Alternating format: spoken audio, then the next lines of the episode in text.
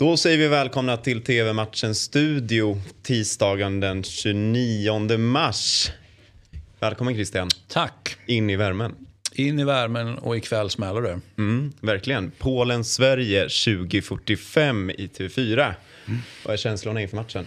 Mm, eh, spännande såklart på, på precis alla sätt och vis. Eh, funderar ju på mm, skadeläget, kanske inte så mycket i Sverige utan skadeläget i Polen där det ju fortfarande är Ja, men det känns ju oklart, så man, man, får liksom kolla när vi har en timme kvar vad det faktiskt blir för, för, för startspelare här. Så att, ehm, ja, det är ur polskt så synvinkel så är det såklart Lewandowskis knä är väl kanske det som är...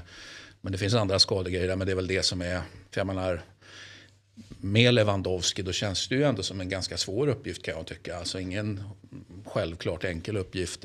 Utan Lewandowski känns det ju betydligt mer överkomligt måste jag säga. Det är ju bara att kolla tillbaka på EM i somras. Ja, så var till exempel. Ja. Sverige mötte. Bekräftat är väl att Milik eh, missar matchen i alla fall. Milik missar ju precis, precis. Men man vet ju aldrig nu för tiden med Milik om han spelar fotboll eller inte. Det har ju varit så mycket, nu kanske jag är elak mot honom, men man lever ju i det här att Milik, är han skadad eller inte? Man, man tar inte för givet att Milik ska spela utan man tänker så här, ah, men hur är det med Milik? Ja, och så, precis som du säger, ja, jo Milik är borta, mm. såklart. Men eh, lite roligare nyheter är att Kraft och Zlatan är tillbaka från avstängning. Kanske inte mm. speciellt att Kraft är tillbaka, men Zlatan slänger in honom i eh, mm. Ja, men det dödläge. känns ju som jag ser ju att Zlatan kan dra, man kan ju diskutera vilket, om Zlatan drar lite utåt vänster eller drar lite utåt höger. Drar han lite utåt höger så möter han ju en spelare som, som jag har pratat om en, en del då, som är riktigt, riktigt svag. Eh, nämligen Arkadius Reccia som spelar i Spezia den här säsongen i Serie A.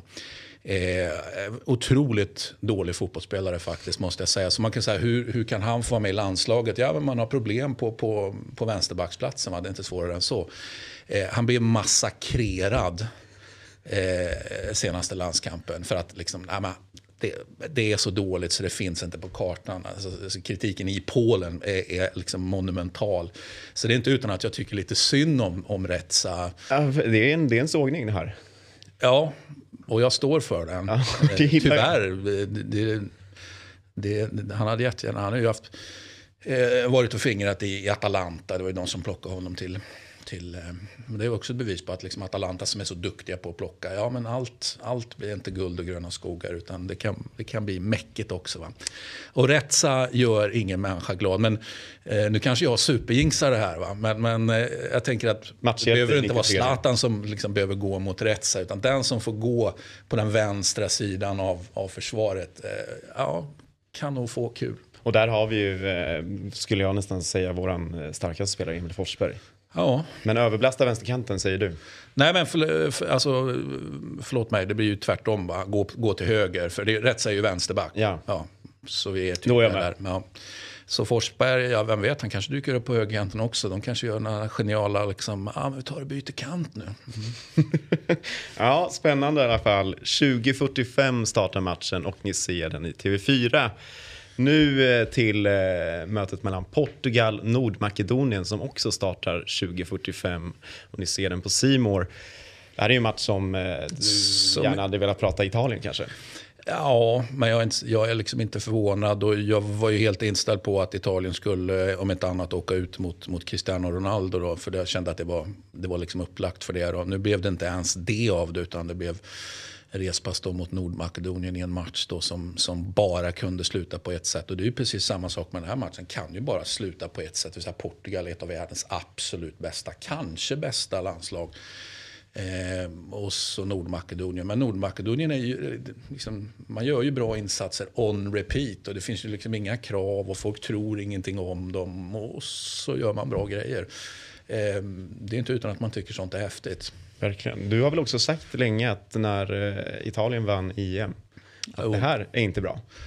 Nej, ja, ja, det är ju hemskt. Eh, det är tråkigt. Det, det, är alltid kul att få rätt, men det är också tråkigt att få rätt. Och det här är ju en sån tveeggat svärd. Kul att få rätt, men aj vad tråkigt. Mm. Men eh, kan vi slänga oss med ett resultat? Ja, men Portugal ska ju bara, bara supervinna. Enkelt hemmaplan. Å andra sidan är de, det är en annan grej som jag kan tycka om med Portugal. Att de, de liksom håller inte på och strösslar, eh, liksom, ah, vinna 3-0, 4-0, 5 liksom, det kan vara att man till och med spelar hemma mot lite knackigt motstånd. Det behöver inte vara så här avgörande matcher, men även alltså, riktiga tävlingsmatcher.